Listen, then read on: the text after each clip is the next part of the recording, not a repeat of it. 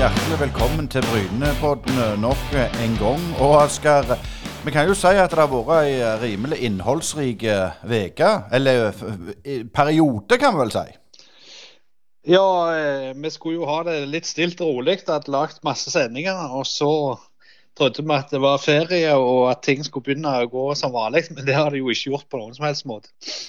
Nei, det har det ikke. Bjarne Berntsen var daglig leder i, i fem minutter, men nå har det jo eh, kommet inn en ny sånn eh, midlertidig daglig leder i, i Lars Enevoldsen og en politiker med bankerfaring. Det er gjerne det de trenger. Ja, sikkert så banken heter det jo i gamle dager. Jeg vet ikke om det stemmer så mye i dag, men det, det er greit at de fikk på plass en kar som kan håndtere det daglige. Så har jo Roger Eskeland kommet inn og skal ta seg av eh, sporten. og Det vil vel si eh, forhandle kontrakter med de som ikke er under kontrakt, som eventuelt skal være med videre. Det er vel det som ligger i kortene nå utover høsten. Men eh, vi har litt planer vi òg utover høsten. Øystein.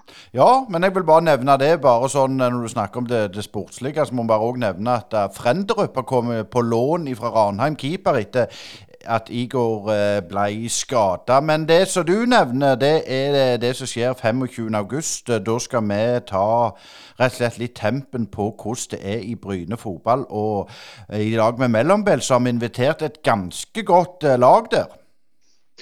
Det har vi. Eh, litt fra fjern og nær. I eh, hovedsak eh, er Bryne-folk i alle slags roller, fra ungdomsavdelinga til styre, tidligere og, og, nåværende styreleder, og noen av de viktigste sponsorene. Og så skal vi òg snakke litt med noen naboklubber. Og Overskrifta i, i, den sendinga er 'Hva nå Bryne FK'. Og det blir da 25 august klokka åtte på Mellombel. Så her gjelder det å få tak i billett, for det blir ikke så vanvittig mange plasser, plasser pga. restriksjonene som ennå er dessverre rundt oss eh, med covid og sånn. Men bare skyte inn der, Asker. Det er en del som har spurt meg etter dette ble kjent. og er, Det er jo vi som arrangerer dette sånn sett i, sammen med Mellombels, eller vi har det på, på Mellombels. Hva er det vi vil oppnå med det?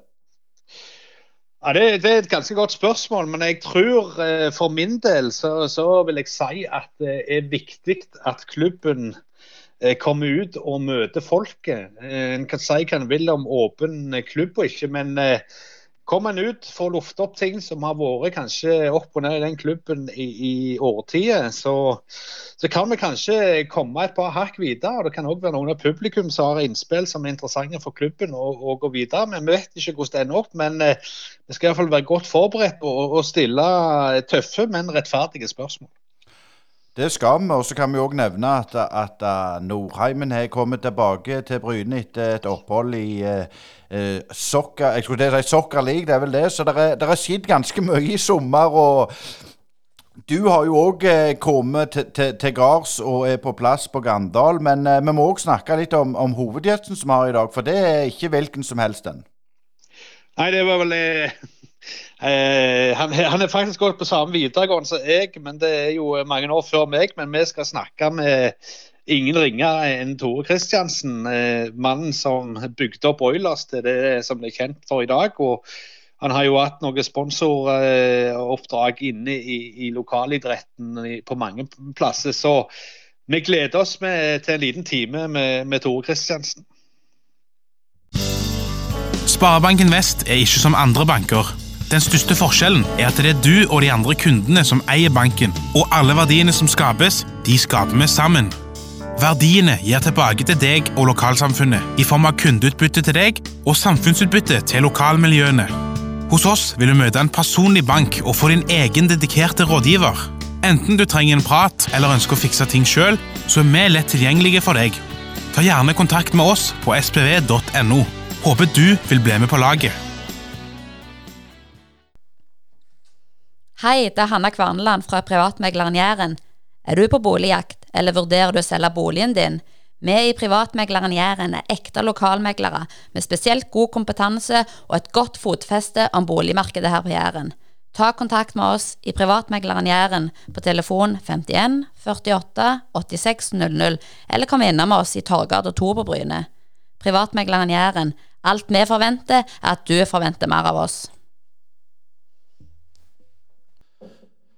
Ja, Brynepodden, eh, vi lovte at vi skulle eh, snakke om ikke bare fotball i denne podden. Og Asgeir, i dag så blir det selvfølgelig litt fotball, men det blir òg en, en, helt annen idrett som gjerne ikke vi kjente på på Jæren akkurat. Ja, det kan bli flere idretter, og i dag har vi med oss eh, Tore Kristiansen, som vel er mest kjent for å være Oilers-eier, men han har mye aksje i idretten rundt i, i Rogaland og litt utenfor. Så velkommen til Brynpodden, Tore Kristian. Tusen hjertelig. Trives godt på Bryne, så det passer godt, det. Og sola skinner, og alt er på stell. Ja, Tore Kåss, vi må jo innom det som har, har skjedd litt så, som en Sandneskaug. Eh, hvordan har du opplevd dette her med, med, med Bjarne Berntsen og, og, og, alt det styret? Er det noe du er involvert i sjøl? Nei, jeg har ingen formelle verv i Sandnes Ulf. Det har jeg absolutt ikke, så derfor har jeg heller ikke involvert meg. Men, men jeg mener jo mye om saken. Eh, og har meint selvfølgelig til mine feller i, eh, i Sandnes Ulf. Eh, det er en veldig vanskelig sak. Det er sikkert mest vanskelig for Bjarne. Jeg tror det er han som har det tøffest oppi det hele. her. Selvfølgelig er det kjempekjipt for Bryne, som trodde de hadde fått en dyktig, god daglig leder inn dørene. Og så en liten uke etterpå så vil han gjøre noe annet. Men det er liksom tre parter i saken, og, og, i øyeblikket så er det vel ingen vinnere. ikke sant? I, I, øyeblikket er det bare tapere. Det er en trist situasjon for alle.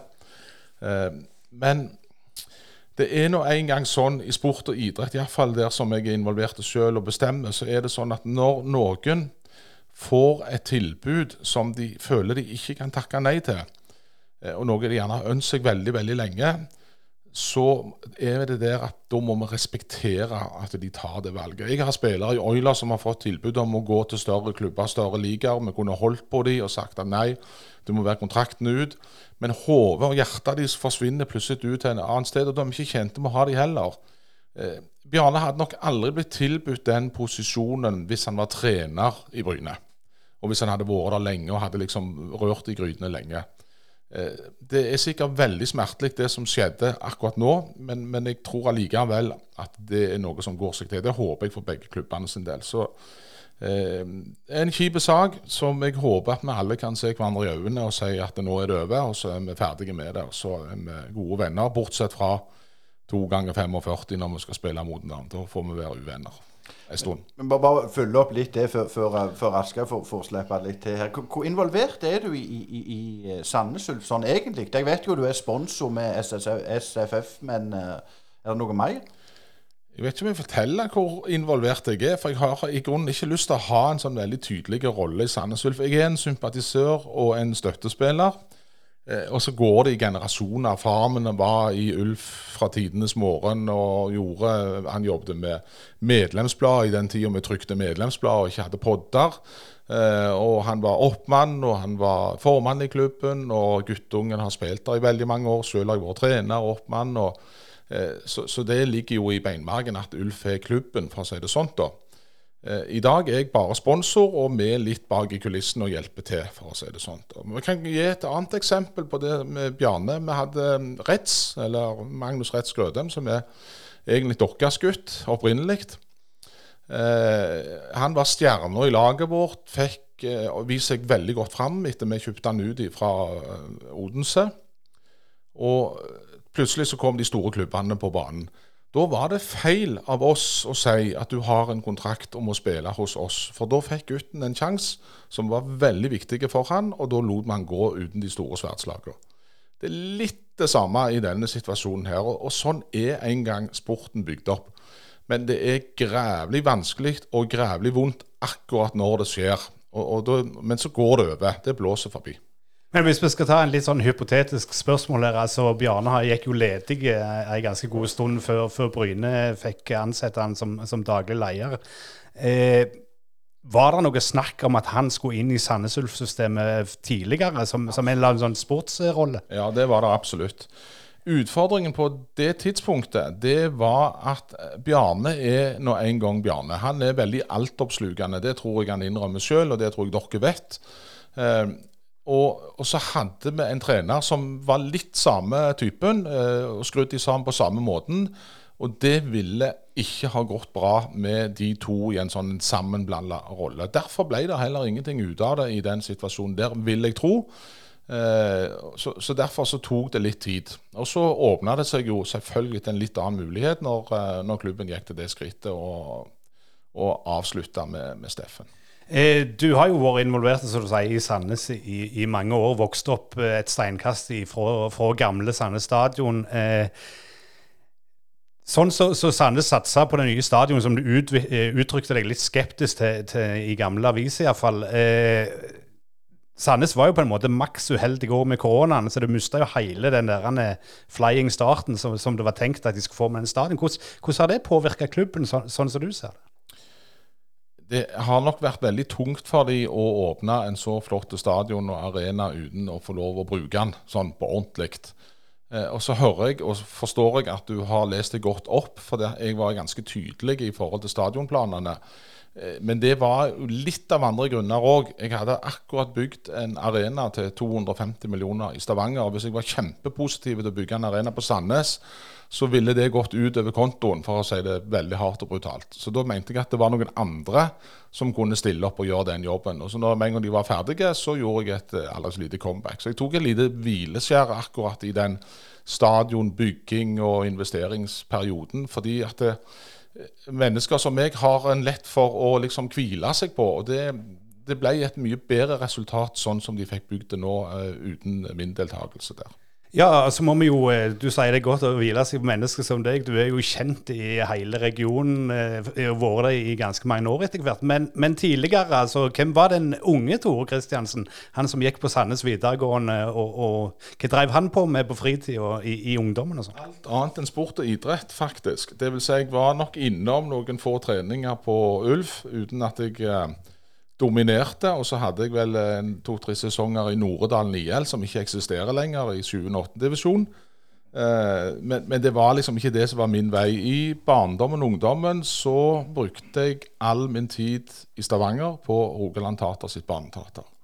Så fra jeg var åtte år gammel, så var jeg der inne eh, omtrent hver dag. Enten og spilte forestilling eller øvde på neste forestilling. Bussen fra Sandnes til Stavanger på, rett etter skolen og hjem sent på kvelden.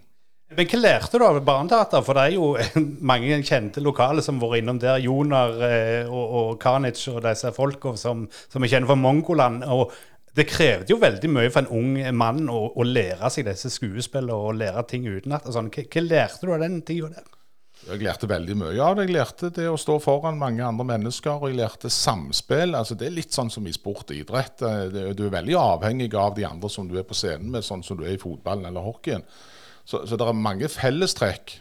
Eh, men jeg lærte å prate foran store folkemengder. Jeg lærte meg å lære ting utenat. Det hjalp meg veldig mye på skolen. For eh, jeg, var, jeg, kom bedre ut av det enn jeg hadde jobbet med det. For jeg lærte ganske fort.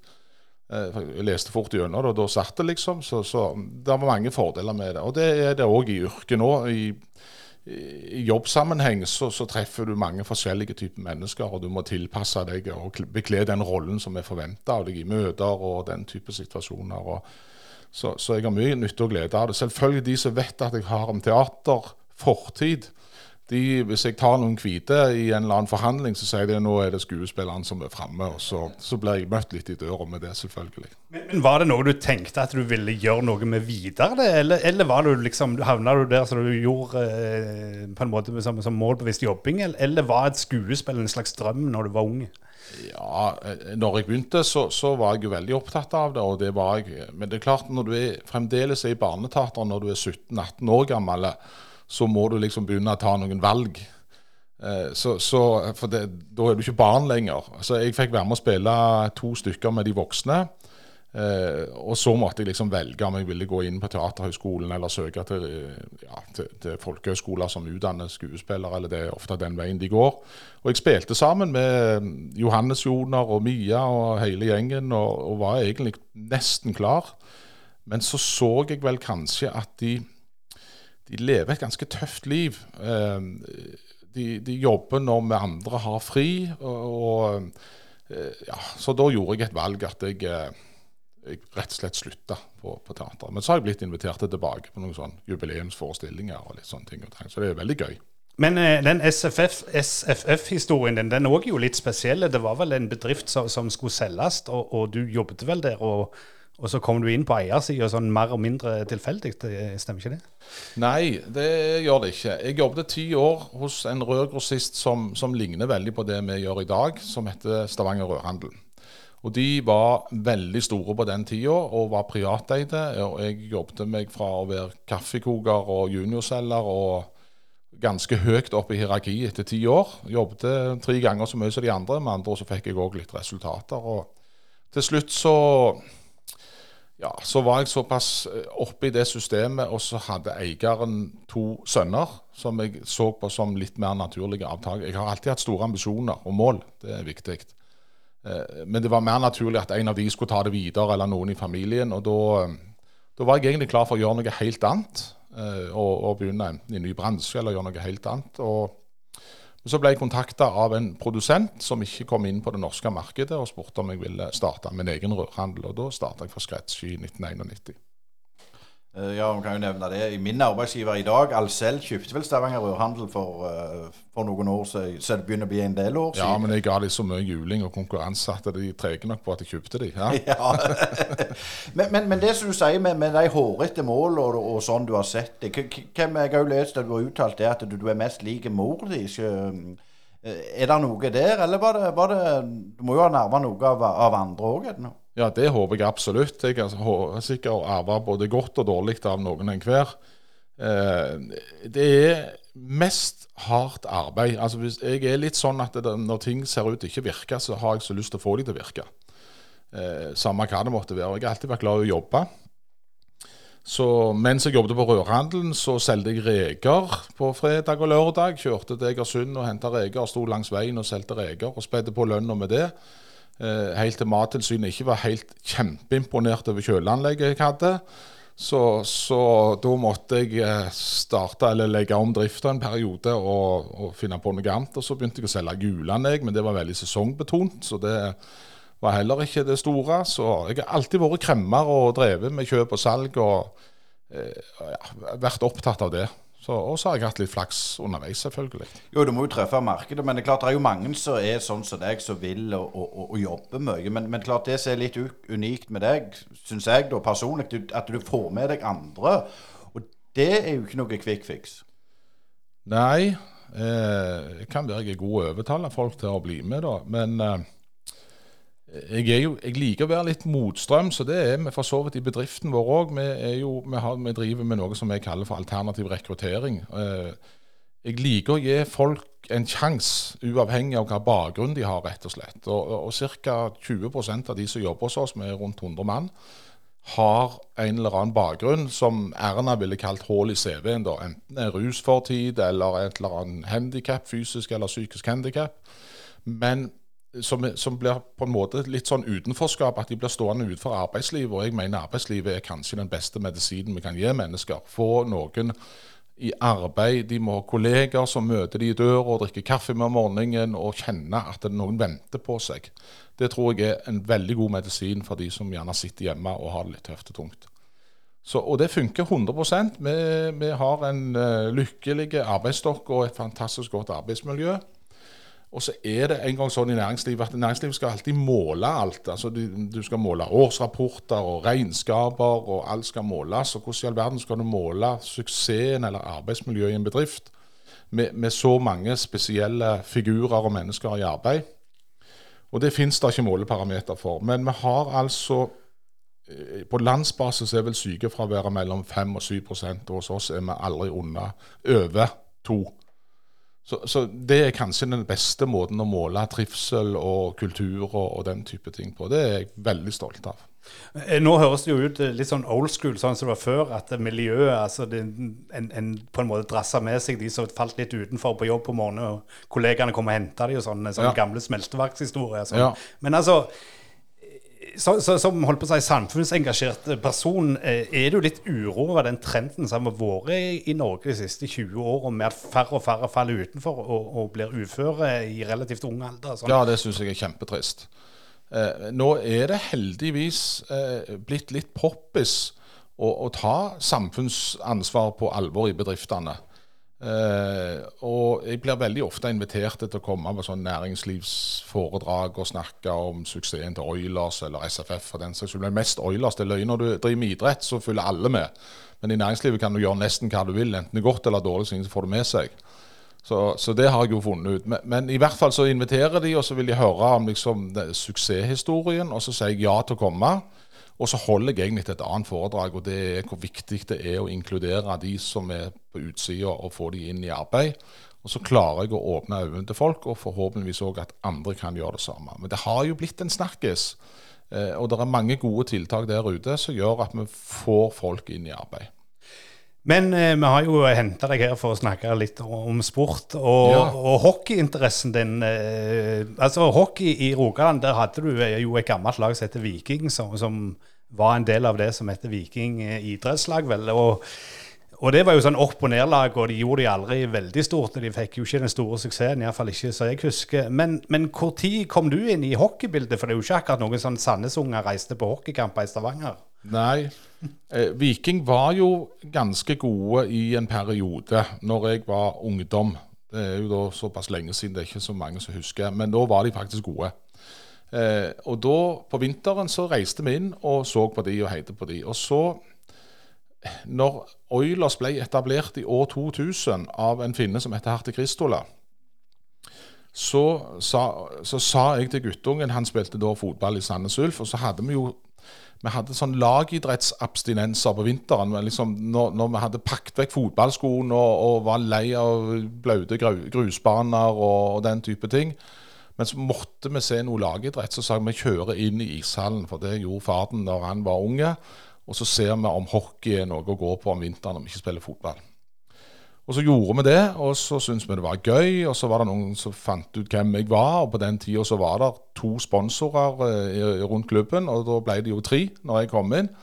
Eh, og Så tok jeg inn noen av spillerne til å jobbe på lageret litt, for da var de semiproffer på den tida. Og så, så bare balla det på seg. Så begynte guttungen å spille hockey. Så spilte han både fotball og hockey fram til han eh, ja, var vel junior, tenker jeg. Så valgte han feil.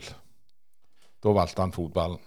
Men bare et innskyt der. Når, når, når, du, når du kom inn der, da, eh, og du hadde liksom kalt det litt vye og litt 'her må vi få til noe', fikk du mye sånn eh, motbør fra, fra, fra de som var der i klubben fra før av? Eh, både òg, men, men, det sa jeg jo tidligere. Jeg liker jo egentlig å ta i ting som ikke virker.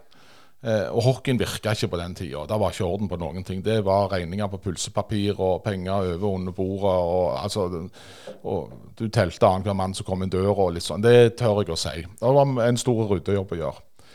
Eh, men jeg så et vanvittig potensial fordi at jeg så en idrett som var veldig fengende hvis du gjorde det litt mindre farlig å gå og se på. For der, På den tida der så var det bare menigheten som gikk på kampene. De het enten Haukali til etternavn eller et eller annet. Altså, det var veldig sånn innavl i hele systemet. Eh, mens jeg hadde en visjon og drøm om å gjøre det litt sånn som de gjerne gjør i Nord-Amerika, eller i Sverige for den saks skyld, hvor det er familier som går og ser på en flott idrett. Det er verdens hurtigste lagidrett. Så eh, hvis du gjør det på rette måten, så er det noe for alle. Og, og Derfor så la jeg en plan, en lang plan. Vi brukte jo penger som fulle sjømenn for å bygge lag i første omgang, og ikke minst bygge administrasjon, og før vi da fikk gjennom dette arenaprosjektet vårt. Men, eh, og De årene som gikk da, var tøffe, men, men eh, vi klarte å realisere planene våre og klarte å bygge en klubb som ikke så altfor lenge klarer å leve av seg sjøl. Det har vært målet mitt fra dag én.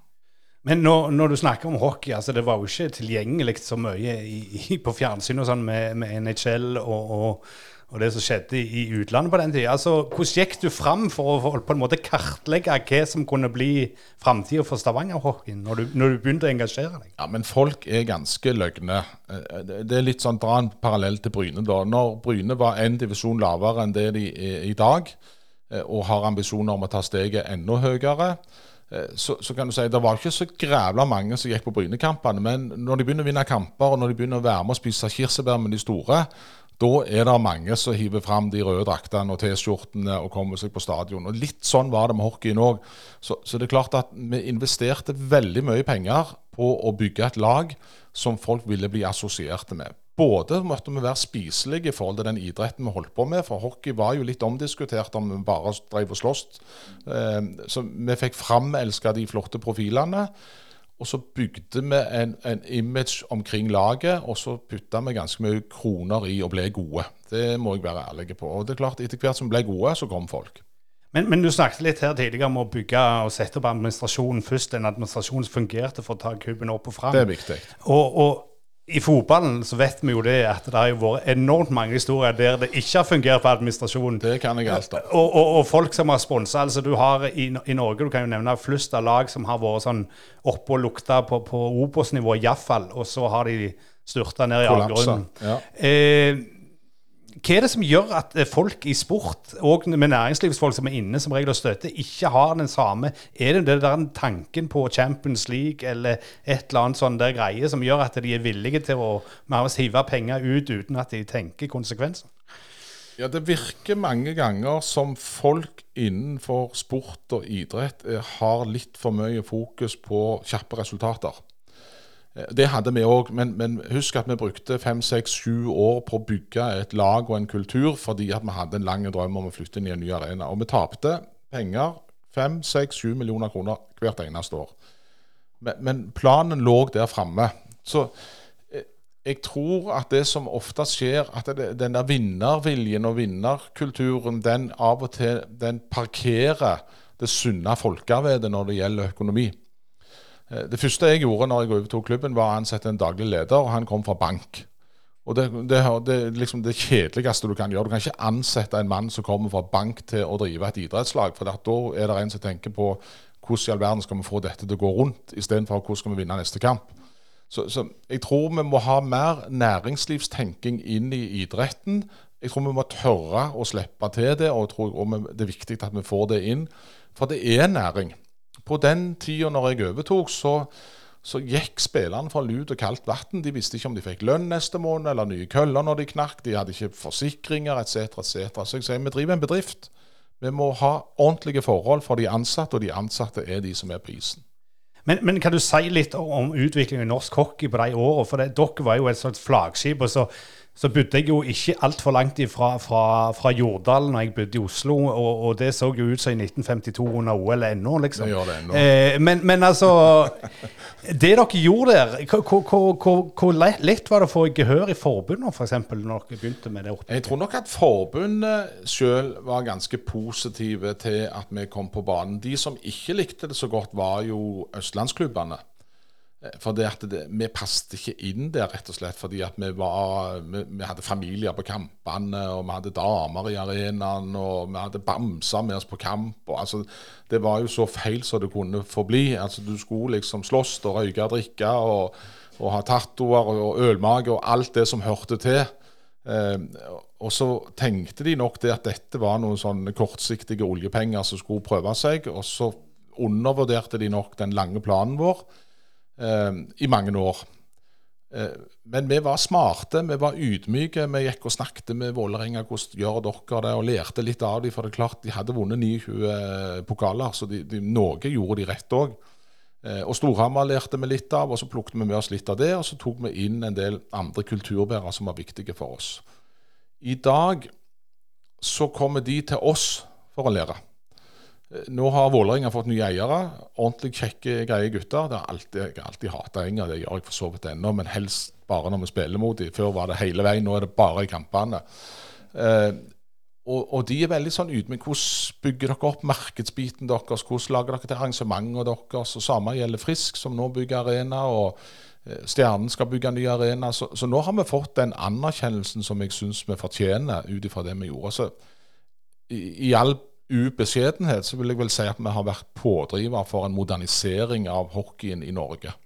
Men du har jo et lag eh, som har kommet opp de siste årene, som Narvik. altså Hvor kommer de fra? Ja, De kommer fra intet. De spiller i et kjøpesenter i Narvik. Eh, ikke, det, det er hakket opp fra Jærhagen sin arena, men, men eh, det er faktisk inne i kjøpesenteret. Og de har eh, skrapt sammen en gjeng med for så vidt dyktige hockeyspillere og store ambisjoner. Så har de um, veldig bra standing i lokalmiljøet sitt. For det er jo et lite sted som du, du skulle ikke tro at de var i stand til å komme opp i toppligaen. Um, men, men, det er en veldig entusiasme rundt klubben. Stinn brakke på alle kamper. Det blir litt sånn som Nærbø i håndballen, kan du si, hvis du skal sammenligne det med noe. Uh, så det er en veldig god dugnad sånn. Så er spørsmålet er det for å bruke et veldig populært uttrykk nå, er det bærekraftig i det lange løpet? Der er svaret mitt nei. Jeg tror ikke det er det som skal til for å løfte hele totalen i norsk hockey opp. Da vil jeg heller ha et lag fra Tromsø eller altså i den skala der, for, for, å få gjort en investering i ordentlige anlegg. Men, men, det er klart, når du, når du nevner dette, det, det, den reisen du har vært med på. Er det, er det andre klubber og idrettslag som tar kontakt med dere, eller er det stort sett ishockeyklubber?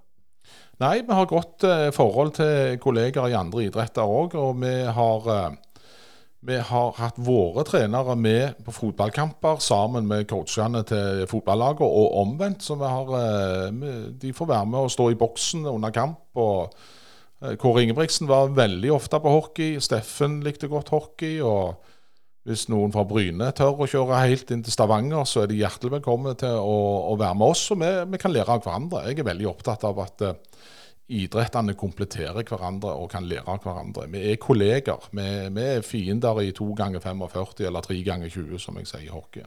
Men, men, føler du det, det har endra seg? For det, vi har jo hatt, hatt, folk her som er trenere. altså liksom der trenerkollegaer som er kollegaer i seg imellom ulike klubber, riktignok, men, de, men de snakker mest ikke med hverandre. Er det noe å lære der? Burde vi lagd på en måte en, en felles arena der vi kunne utveksle erfaring? Ja, det tror jeg absolutt. Det tror jeg absolutt kunne vært bra å samle idrettskreftene i Rogaland og, og sørget for at vi ble enda flinkere både til å trene og prestere. Det er jeg aldri i tvil om ville vært nyttig. Men, men eh, flaggskipet til, til, hockey er jo og forblir NHL, altså eh, uansett hvordan du snur og vender på det. Og i USA så er det jo veldig mye sånn læring på tvers av lagsportene. Altså basket, amerikansk fotball, hockey ja. eh, og, og, og baseball, selvfølgelig. Altså i norsk idrett, sånn som du ser det fra ditt perspektiv, er vi litt sånn hver på sin haug? Og så har ikke vi noe å lære av håndballfolk på Nærbø. Vi har ikke noe å lære av Oilers i Stavanger, for vi, vi, spiller fotball, og det er sånn har vi gjort alltid. Ja, jeg tror nok det er i ferd med å bedre seg. Eh, eh, I sesongen så trener vi hockey og, og styrke. Eh, men når vi har offseason, eller når vi ikke er på is, så spiller vi håndball, og vi spiller landhockey. Vi driver masse med friidrett, og vi har hatt turn. Og vi har til og med hatt guttene på yoga. Altså, det, jeg, jeg, vet ikke hva fotballen gjør, men vi prøver å gjøre veldig mye andre ting. Både fordi at det er god trening, men ikke minst for at vi kan gjerne plukke opp noen ting som vi kan ta med oss videre inn i egen idrett. Så hvorfor ikke? Men er du, eh, som person er du åpen, veldig åpen for å teste ut nye veier som, som ingen tør har tørt eh, før, eller er du litt av den som holder litt i taumene og venter høy, høy, høy? Nei, jeg, jeg, vil ikke kalle meg konservativ i forhold til verken ene eller andre. Jeg liker godt å teste ut nye ting. Men, men eh, hvis du ser litt eh, Nå har jo hockeyen eh, slitt under covid. Dere fikk ikke spille sluttspill, som er jo da kremen i sesongen. Og, ja, vi har mista to kongepokaler. Men eh, sånn er det. For vi hadde vunnet begge åra. Hvordan, ser du eh, fram mot dette året? og Hvordan tror du publikum, hvordan tror du det har hatt innvirkning på publikum som ikke har vært der nå? På, på, jeg tror folk er veldig hungrige til å komme og dele opplevelser sammen. og Det er jo det idretten handler om. ikke sant? Altså Når Jakob springer Jeg har aldri vært veldig tungt inne i friidretten, men eh, når han springer 1500 meter, så, så er vi oppe på teten og griner hele gjengen og, og elsker det som skjer. og alle har nok det behovet. Og det er klart, det å være til stede på en stadion og massesuggesjonen og Iallfall for min del så er det så deilig, for det er sånn et klasseløst samfunn. Når du går inn porten, enten du går inn på Bryne stadion eller du går inn på travbanen eller hva det måtte være, så, så, er alle like dumme og alle like glade i det som skjer i manesjen. Og, og det er jo det som bringer oss til akkurat det å samle oss rundt idrettene våre. Så jeg tror folk trenger å komme og oppleve idrett live, og ikke bare se det på TV. Litt innom, det er klart Nå er det mye positivt her, Tore. Men, men klart når du har vært gjennom en prosess med dette Oilers og, og, og på jobb òg, så får du jo selvfølgelig motgang og tøffe ting du må ta tak i.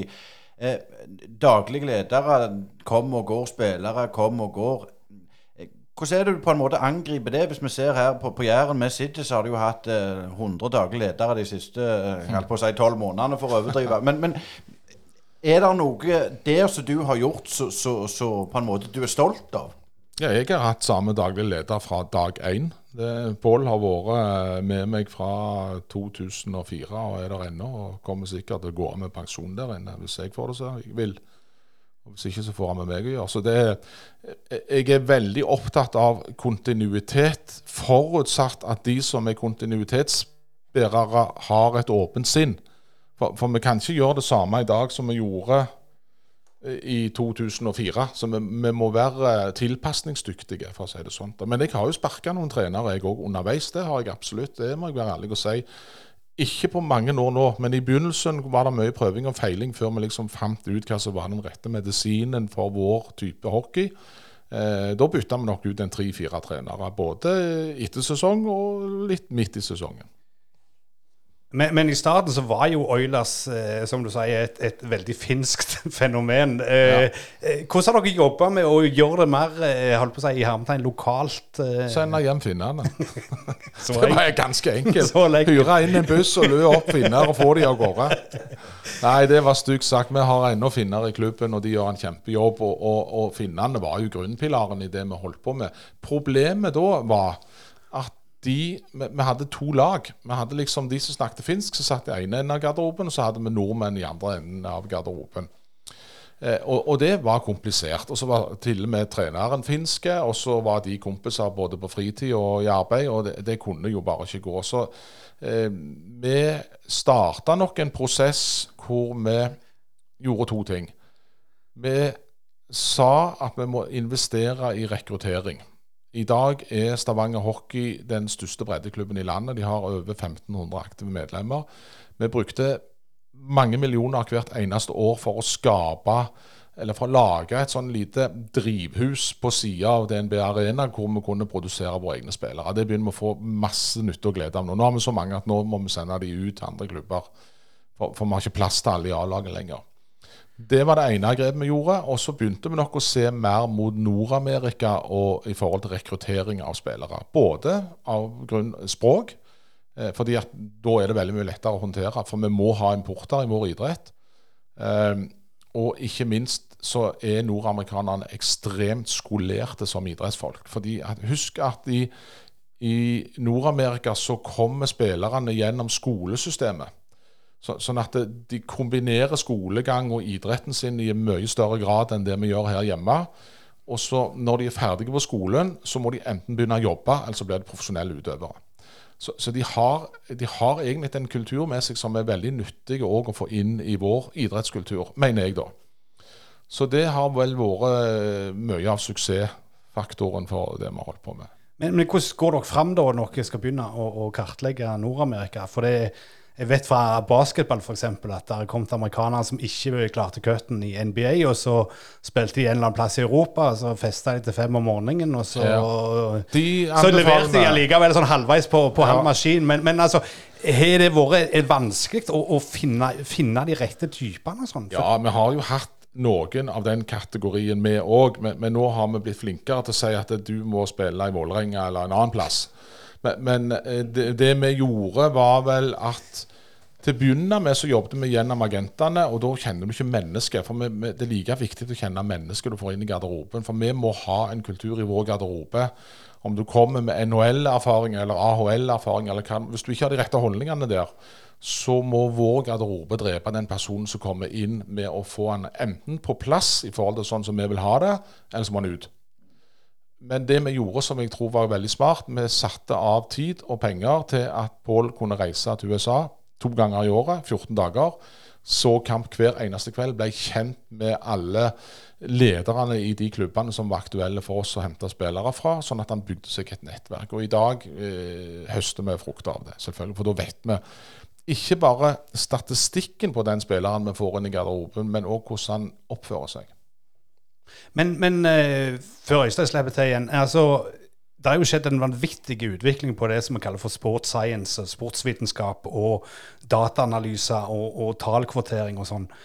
Eh, Mye av, av fotball i Norge er jo ennå på et veldig sånn spedbarnsnivå. Hvordan har dere angrepet det i hockeyen? Altså, har dere brukt dette med sånn data og, og analyser eh, gjennom data eh, fullt ut, eller har Ja. dere noe å hente der ennå? Nei, hockey er matematikk. Eh, mye mer enn det du tror, Ane. Eh, I hockey måles alt. Hvor lenge er det på isen? Hvor mange skudd har du? Hvor mange dropper vinner du? Altså, Stats er ekstremt viktig i hockey. Eh, det forteller både i forhold til hvordan du skal analysere motstander og spillet ditt, men òg for å jobbe med enkeltindivider. Altså. Hva må du bli bedre på? Hvis du taper alle droppene, liksom, så kan vi ikke bruke deg i droppen. Hva gjør du feil? Så, så eh, det er ganske nerdete forhold i forhold til fotballen. Eh, Og Det tror jeg fotballen må skjerpe seg på. Jeg tror rett og slett de må bli mye flinkere på analyse og den type ting. Nå har de riktignok begynt med å måle hvor langt folk springer og hvor fort de springer og dette. Eh, vi har nettopp investert Jeg har en rolle òg i, i eh, elitehockey, som er forbundet og klubbene sitt hva skal vi si, produktutvikler, selskap, og vi ivaretar TV-rettigheter og den type ting. Der sitter jeg i styret. Vi har nylig investert i noe som heter Wise Hockey, som er brikker som festes både på spillerne og på pucken, og vi kan måle absolutt alt som skjer på isen. Hvem var på isen når målet ble skåret. Og, eh, og, så er hockeyen ganske fair, fordi at eh, assist teller like mye som en skåring. Og andre assist teller like mye som en scoring. I tillegg så teller det så teller vi poeng ut ifra om du er på isen når laget slipper inn mål, eller når de skårer mål. Så det er, der er ganske mye matte ute og går. Vi må jo tilbake til denne fantastiske DNB Arena som dere har fått bygd. Og der òg ser du, der vi, sitter nå med studio, at de prøver å bygge en stadion og får det ikke til, og får ikke med kommunen. Og, altså, der du lykkes, feiler så mange andre klubber. Hvordan gikk du fram der når du skulle liksom Nå skal jeg ha en stadion til x antall millioner. Jeg vet ikke om det er Jeg vet ikke om jeg vil anbefale å gjøre det samme som jeg gjorde, for jeg bare gjorde det. Med, vi- det høres litt flåsete ut. Det var ganske mange år med planlegging og forhandlinger. Eh, Få politikerne med på lag. Jeg besøkte alle partiene, fortalte om planene. Eh, bygde et anlegg som kommunen egentlig ønskte seg, men ikke hadde lyst til å finansiere. Og så fant vi en veldig god modell hvor vi egentlig tok bredden også inn i anlegget. For, altså A-laget kan ikke bruke isen mer enn én, maks to timer til dagen. Så da står jo isen der. Så hvorfor ikke la ungene slippe til, og, og bredden slippe til? Så lagde vi en leieavtale som gjorde at vi fikk noen kroner ut av den. Eh, Så solgte vi arenanavnet, og så klarte vi å skru de sammen, og så bare klemte vi til. Så fikk jeg med meg noen gode folk selvfølgelig i ryggen til å, å tørre å ta sjansen. Men vi investerte 250 millioner kroner i en klubb som hadde tapt mellom 5 og 7 millioner i nesten ti år. Så det er klart at eh, du må legge vekk sunn fornuft og matematikkarakterene når du gjør det. Men eh, vi hadde en plan, og vi lyktes med den. Men da er det du sier at det er bare knallhardt arbeid som fører fram? Ja, men du, men du må jo ha noen galninger som, som går med hodet først inn, ikke sant? Og det var vi. Jeg var jo ikke alene, jeg hadde med meg noen. Og eh, selv om jeg bar gjerne den tyngste børa sjøl, så, så var vi en god gjeng. Og eh, vi trodde på det, og så fikk vi drahjelp av kommunen, som var veldig eh, gode å ha med å gjøre. Men eh, holdt på å si, timinga, eh, var den spesiell? For, for Viking hadde jo flaks med sin timing, for de fikk jo eh, bygd stadion eh, på en relativt gunstige tid der alle andre ikke hadde bygd. og sånn. Altså, Var dere litt heldige med timing dere òg, eller havner dere midt oppi dette holdt på å si krisetiden og sånn, eller, eller, eller gikk det helst greit? altså? Ja, Vi var nok heldige med timinga, iallfall hvis du ser i ettertid. Akkurat der og da så var det jo skrekkelig mye penger på, på et lag som, som egentlig ikke genererte penger, men vi hadde jo tro på det. Eh, I dag kan vi godt si at det var god timing, for det er jo ikke mer enn altså, i 2012 så skrudde vi sammen den arenaen og flyttet inn. Eh, nå bygges det tilsvarende arena i Oslo, eh, riktignok med kommunale midler. Den kommer da bare på en milliard pluss. Og i Asker koster den 650 millioner, og de er jo ikke verken finere eller større enn den vi bygde for 250. Så Litt flaks og litt dyktighet, tror Men, jeg. men altså, nå har du jo vært med på dette hockeysirkuset en del år, og vi, vi husker jo alle sånn eh, Norge Hvis de klarte å kare seg til OL, så var det gode greier. Men, men altså, norsk hockey sånn generelt i dag, hvor, hvor, hvor god er den egentlig i forhold til sånn han var for 10-15 år siden? Ja, jeg var litt bekymra for ei tid tilbake, men nå gjorde vi egentlig et veldig godt VM. Eh, der var jeg òg litt bekymra, fordi at det, var ganske mange som var ferske, mange unge spillere som kom inn i laget, og vi var usikre på hvordan de ville takle det. De beit veldig godt ifra seg. Eh, nå skal vi spille OL-kvall i slutten av august. Eh, da har vi ganske bra toppalag. Da er Sukker med, og Patrick skal være med, og litt sånn, så, så det, da bør vi ha muligheter. Det er vel danskene kanskje som blir den hardeste nødt til å knekke. Vi er i A-pulja. Vi ranka som eh, det tiende beste nasjonen i, i verden i hockey, og hockey er en stor idrett, så, så jeg tror vi skal være stolte av det. Men vi må holde oss i A-pulja. Og det, vi er i nedre sikt. Vi er hvert eneste år i fare for å måtte rykke ned. Så vi har en jobb å gjøre på rekruttering. Var litt innom det der med stadion. Hvor- ser du på det? Tenker du at klubbene bør på en måte klare, eller bygge stadion med hjelp av kommunen? For vi ser jo at mange som ikke klarer det, som må få hjelp av kommunen i ettertid. Har du noen politiske tanker rundt den prosessen der? Jeg tror på et samspill mellom private og klubben og kommunen er en god modell. Det var vel litt det vi prøvde med, med Jæren Arena i sin tid. Eh, nå fikk vi ikke tallene til å gå rundt, men eh, jeg, jeg tror det er, det er både fullt mulig å få til på Bryne, og det, det er nesten en skam at vi ikke har fått det til. Jeg sier vi, for det er bra for regionen å få et nytt og bedre anlegg her ute. Men bare spør om det, Du var jo involvert. Og, og, Ja hvorfor, føl, hvorfor tror du det stranda? Har det noe med kulturen å gjøre? Nei, jeg tror ikke det. Jeg tror, eh, jeg tror prislappen skremte vel de som satt rundt bordet på den tida der. Uten at jeg var noen store spiller, men jeg var villig til å være med. Både med kompetanse og med penger på den tida. Men eh, det går an å børste støv av det igjen og se om en får det til. Det er jo nok av eh, galne folk på Jæren. det? er nok av, Nok av galninger her ute. Nei, nei, men altså Og så må vi jo innom eh, holdt på å si, en, en annen idrett. Eh, Den mest absurde opplevelsen jeg har hatt på Bryne stadion, det var på 80-tallet. Det skulle være pauseunderholdning, og da sprang det en hest som het Rex Rodney rundt banen. Ja, og i midtsirkelen sto eh, Eirik Kvalfoss og snakket om sine bragder i skiskytinga, som da var pauseunderholdning før i tida. Ja. Um, du eh, kom jo sånn at du ble veldig godt kjent med Kjell Håkonsen og, og Norges beste travhest, eh, som kanskje har vært noen gang. Og da var det jo en enorm entusiasme for, for travsporten i Norge. Og det er jo mange på Jæren som, som liker trav og er aktive både som, som kusker og trenere og, og som publikum. Altså, hva tror du som gjør at travsporten på en måte har havna litt utføre denne medieblesten det hadde i mange år, og, og, og så videre? Altså, er det skjedd noe der på de årene at det er bare andre ting som overtar, eller er det en samfunnsendring som gjør at trav ikke lenger er noe som folk snakker om så veldig mye?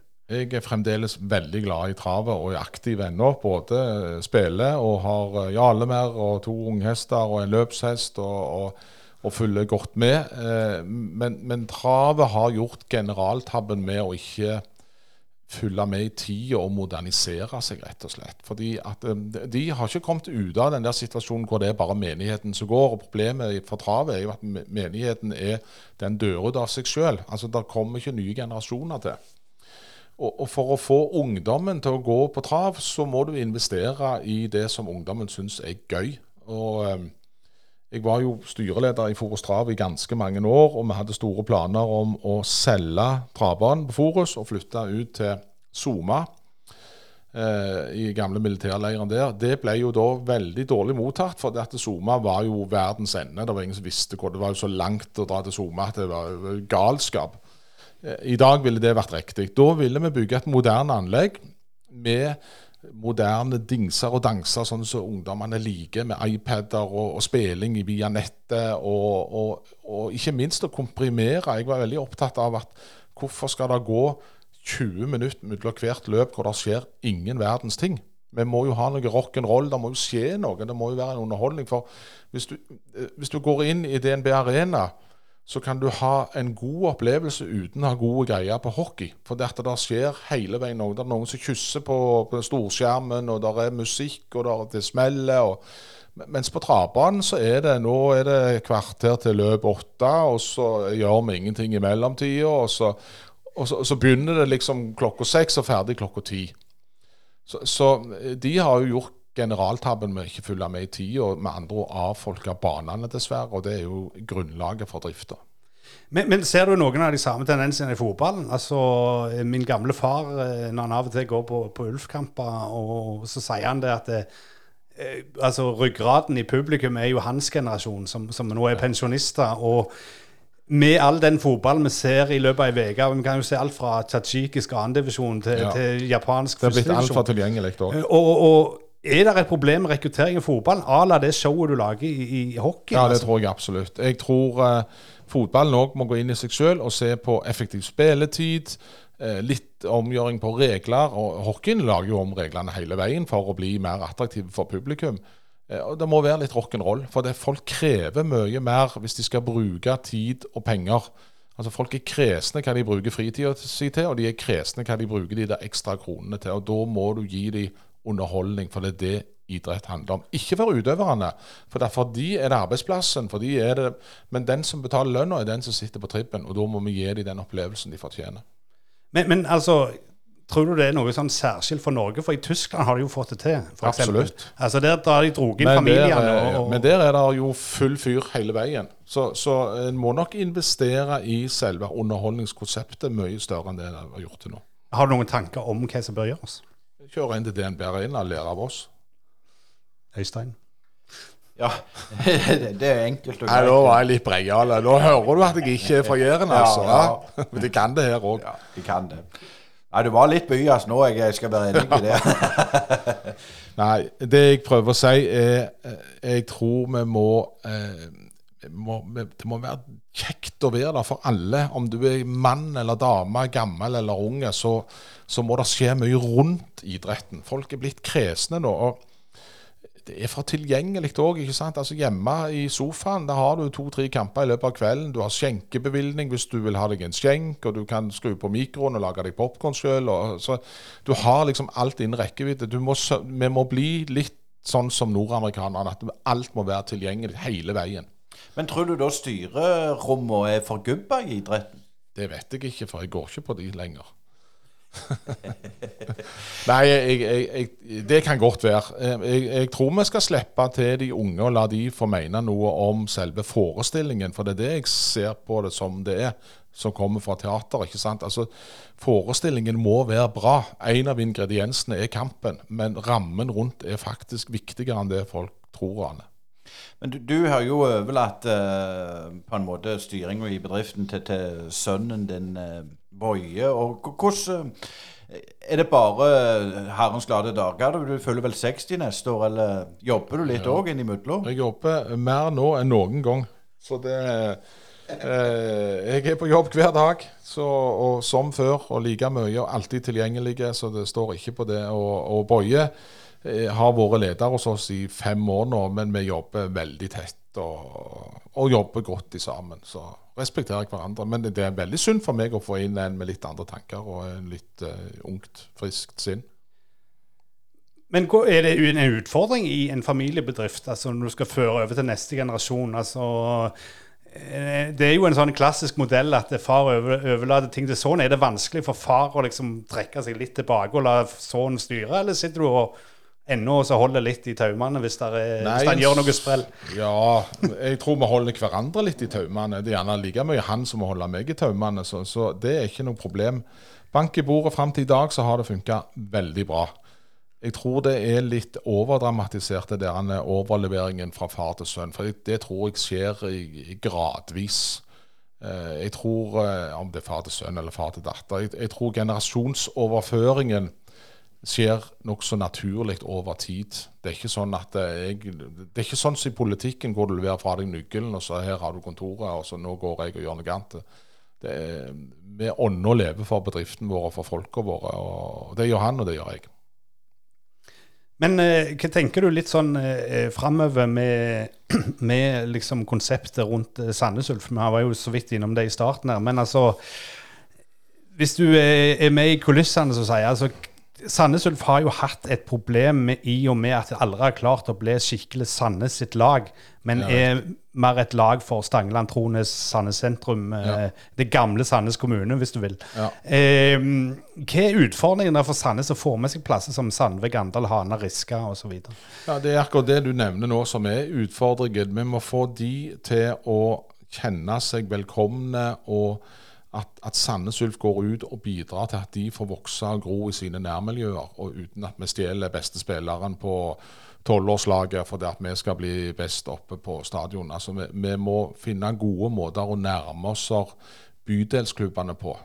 Uten at jeg er veldig involvert i hvordan de gjør det i dag, men det er den største utfordringen Sandnes Ulf har, det er å kna de sammen til ett lag og én by. Eh, Og, og det gjør det jo ikke lettere når byen har liksom dobla folketallet på veldig kort tid, og de aller fleste er ikke Sandnes-folk, hvis du forstår. Det er jo tilflyttere. Så, så de snakker jo Møre og Romsdal, og de snakker Oslo-dialekt, og de snakker ditt og datt. Og de har jo en annen farge på drakten når de kommer til byen. Så vi må, vi må nok bli flinkere til å samle byen, og det er en kjempeoppgave hvis vi skal klare å fylle stadion. Men er det òg en utfordring at mange av de som vokste opp i Sandnes eh, på vår tid, eh, var blå, eller noen få som meg var røde?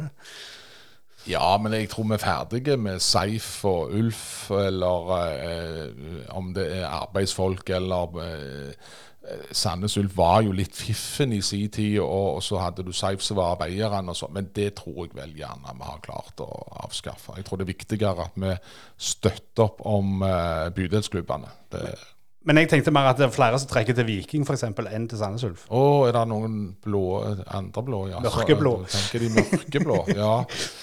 Ja, det er jo helt naturlig i og med at de spiller en divisjon over og har gjort det så mye mer enn eh, både Bryne og Sandnes, så, så det tror jeg vi skal leve med. Men går det ikke an å være eh, mørkeblå både for oss fra Sandnes og dere fra Bryne, eh, men å være den rette fargen når de spiller mot hverandre, da? Så, så sant de ikke er i samme divisjon, iallfall. Sånn tenker jeg. Ja, jeg har litt sånn For, min gamle far, eh, han er oppvokst i, i, Loen. Og da var det jo, som du sier, arbeidsfolk og, og de fiffen. Jeg, jeg tror gjerne at det ligger litt ennå. For det er klart, sånn som min far vi vokste opp på Sandnes, og flytta han med, med mor mi til, til Klepp stasjon. Men da var det Bryne. De skulle iallfall ikke ha det med Sandnes. Nei. Nei, det kan godt være dere har rett. Jeg, eh, håpet og trodde at det ikke var tema lenger, for å si det sånn. Jeg trodde det var jevna seg litt ut. Men fra gammelt av var det sånn. Ja. Men, men tenker òg på, på, på eh, den, den, denne karrieren du hadde på teateret. For, jeg- for jeg vet jo òg at du har jo litt venner i Hollywood. Ja, jeg vet ikke om jeg har venner, men jeg har en leietaker. Ja, ja. Var en god betaler, eller? Ja, det var han òg. Eh, det var en eh, artig opplevelse. Eh, nå kan jeg snakke om det fordi at nå er det så lenge siden. Men mens det skjedde, så kunne jeg jo ikke det. Det var vi jo litt enige om. Eh, det var et hyggelig bekjentskap, det må jeg si. Han var en jordnær, kjekk, hyggelig fyr, og vi fant tonen. Jeg eh, fikk gleden av å dra til London og være med og se når de spilte noen av scenene der borte. Han tok seg godt av oss, både meg og familien. og det var en artig opplevelse, selv om jeg sa nei til å leie ut huset to eller tre ganger når de ringte, for de ville ikke si hvem det var til. Men når jeg hørte det var han, så er, tenkte jeg han er født i 1962, det er jeg òg, med like kule. Han må få lov å bo der. Men det er klart, er når, når Tom Cruise da vi snakker om eh, liksom Mission Impossible, men, men, men du gjorde det mulig. Og eh, er det det deg litt i et nøtteskall? Jeg vet ikke, men eh, kanskje det. La oss håpe det. Jeg, jeg liker, som jeg sier, jeg liker utfordringer og ja, å finne på litt ting som gjerne ikke andre kommer på, eller syns er gale når jeg gjør det, og så er det klokt etterpå, kanskje. Jeg vet ikke. Det er vel det største som har sett i gangsjonen siden siden Sleipner sank. Men, men altså Litt eh, framover, er det noen nye idrettsprosjekt du føler du ikke har fått gjort noe med, som du kunne tenkt deg å gjort noe med? Ja, jeg har et stort ønske om å få til en ishall på Sandnes. Det mener jeg. Eh, Ikke bare på Sandnes, men det er liksom Det er store skam at vi ikke har det. Ikke fordi at eh, det skal gagne meg eller Oilers, men rett og slett fordi at Sandnes folk bør òg ha muligheten til å utøve den idretten. Nå hadde jeg en sønn når jeg bodde på Sandnes som, som drev med hockey, og det ble ganske mange kilometer og kalde ettermiddager i, i Stavanger. Så det har jeg på blokka at det syns jeg at jeg må få til. Ellers så kommer jeg eh, til å passe meg for å bli for involvert i for mange ting, for det tida strekker ikke til. Og så er jeg så skrekkelig glad i å kjøre utover Jæren annenhver dag i laksesesongen. Da står jeg i Brodland i H-elva og fisker laks og tenker ikke verken på publikum eller hockey eller fotball eller noen ting. Da er jeg eh, bare opptatt av å få noen til å bite på flua. Og hvordan, hvordan har fisket vært så langt i år? Det, eh, heldigvis så har vi noe å skylde på i år, for vi har ikke hatt regn. Du vet, Vi som fisker laks, vi vil ha regnfulle somre, og det har vi ikke hatt. Så det har vært dårlig vannføring og dårlig fiske. Er det blitt sånn at du har begynt å binde flue sjøl og, og, sånne ting òg, eller er du ikke helt nei, der? Nei, jeg er ikke der ennå. Men jeg, jeg, bruker ganske mange timer i elva og storkoser meg der ute. Både blant grunneiere og bønder og de jeg fisker sammen med. Det er noen fantastiske timer. Uh, noen lakser har det blitt til nå i år, men jeg ligger nok litt bak skjema. Men eh, jeg trenger ikke ha pølser til middag hver dag. Jeg, jeg har noen laksemiddager i frysen. Ja, eh, Tor, eh, tida går i, i, godt selskap. Men vi må jo ha litt sånn spådommer inn mot, mot eh, sesongen i, både i Obos-ligaen og i Tippeligaen. Hvordan tror du det går? Om vi kan ta Sandnes først, da, så, så sliter litt? Ja, Kan vi ikke ta både Sandnes og Bryne? For Bryne har vel fått den der høstknekken litt tidlig. Eh, jeg tror vi begge skal være glad for å gjennomføre denne sesongen uten for mange nervepirrende eh, siste serierunder. Jeg tror begge skal være ganske fornøyde med å karre seg til og holde seg på plass. Og så får vi legge fram litt høyere ambisjoner neste år.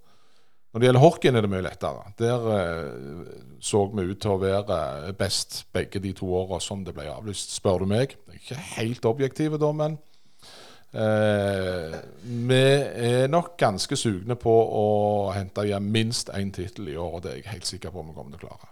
Men, men har det prega stallen noe, for å si det sånn, det der han er to år nå? Eller ser det greit ut, liksom? Ja, stallen i år ser knallsterk ut. Det gjør han. Vi er ikke helt ferdige med å bygge laget heller ennå. Vi har ennå to plasser vi kan fylle hvis vi vil. Eh, jeg håper at vi finner den ene før vi slår i gang, og den andre kan vi nok vente til litt utpå. Og for jærbuer som ikke har forvilla seg inn i, i hockeymiljøet ennå, når er det dette braser i gang, og hvordan gjør en når en skal se hockeykamp? Da går du på nettet, går på oilers.no eller Ticketmaster og kjøper deg en billett og går inn og så ser. Og det, det er med hockey som det er mot sånne forbudte rusmidler. Den, den, første er nesten gratis, og så klarer du ikke å stoppe etterpå. Så det og, og, Er det helt knage, så kan de ringe, så skal jeg heller hente de og slippe de inn eh, bakdøra. For eh, det er en veldig kjekk idrett, en kjekk opplevelse, og noe jeg unner alle å få med seg. Men, men, da kan vi jo si eh, at, at du er klar med den tåpelige gulldressen din. Passer den ennå, forresten? Ja, jeg smyger i den ennå. Og av alle ting, den er faktisk ute på Bryne. Så ikke snakk stygt om uh, gulldressen min. Den er sydd uh, her ute. Så i, hører jeg noen fra Bryne som klager på den, så skal de få med meg å gjøre. Tusen hjertelig takk, Tore Kristiansen, for du stilte opp i, i Brynepodden. Tusen takk for at jeg fikk komme. Det var koselig. Sparebanken Vest er ikke som andre banker. Den største forskjellen er at det er du og de andre kundene som eier banken, og alle verdiene som skapes, de skaper vi sammen. Verdiene gir tilbake til deg og lokalsamfunnet i form av kundeutbytte til deg og samfunnsutbytte til lokalmiljøene. Hos oss vil du møte en personlig bank og få din egen dedikerte rådgiver. Enten du trenger en prat eller ønsker å fikse ting sjøl, så er vi lett tilgjengelige for deg. Ta gjerne kontakt med oss på spv.no. Håper du vil bli med på laget. Hei, det er Hanna Kvarneland fra Privatmegleren Jæren. Er du på boligjakt, eller vurderer du å selge boligen din? Vi i Privatmegleren Jæren er ekte lokalmeglere med spesielt god kompetanse og et godt fotfeste om boligmarkedet her på Jæren.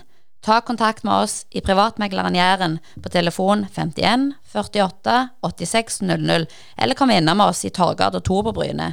Privatmegleren Jæren Alt vi forventer, er at du forventer mer av oss. Det var en eh, god time med Tore Kristiansen, eh, det. Og jeg regner med han òg er imponerte og fornøyd med Viking-seier 3-2. Jeg vet det blir bråk i Brynepodden når vi nevner Viking, men det er en kruttsterk eh, seier mot Molde, Asker, sist nå i helga. Ja, det var sterke seier. Jeg så eh, andre omgang, og Molde hadde veldig lite sjanser etter å ha ledet 2-0 til pause. og Det trodde jeg var en eh, eten mat, som de sier, for Molde sin del, men, men, det var det ikke. Og holdt på å si av lokalinteresse så kom eh, Grødømmen inn for, for eh, Molde det siste minuttet, vel. Så etter å ha skåret eh, på straffekonken mot Trabzonspor i uka som var, så Litt eh, jærbua har du der òg, men eh, hva syns du om, om Tore Kristiansen, Øystein? Det var mange interessante tanker han hadde rundt mange ting. Ja, absolutt. Og det som jeg syns jeg beit merke med, det var det at eh, en idé om å samle alle kreftene innen idrett og sånn sett òg næringsliv, istedenfor å sitte på, på hver vår tue. Jeg tror hadde alle, både Oilers, Viking, Sandnes Ulf, Bryne, ja, ta Eigersund, ta Nærbø håndball, um, Klepp-damene Hadde alle disse kreftene samla, så tror jeg faktisk vi heier på regionen. Og jeg tror det hadde blitt bra for regionen. Eller, eller, eller tror du at, at, det er greit sånn det? Hva tenker du? Nei, Jeg tror det at idretten har forandra seg såpass mye eh, siden den gangen rivaliseringer og ulike ting oppsto, at eh, en må tenke litt annerledes i dag. Eh, vi må huske på at Norge ikke er noen stormakt på fotballsida og håndballsida har de jo gjort det godt på.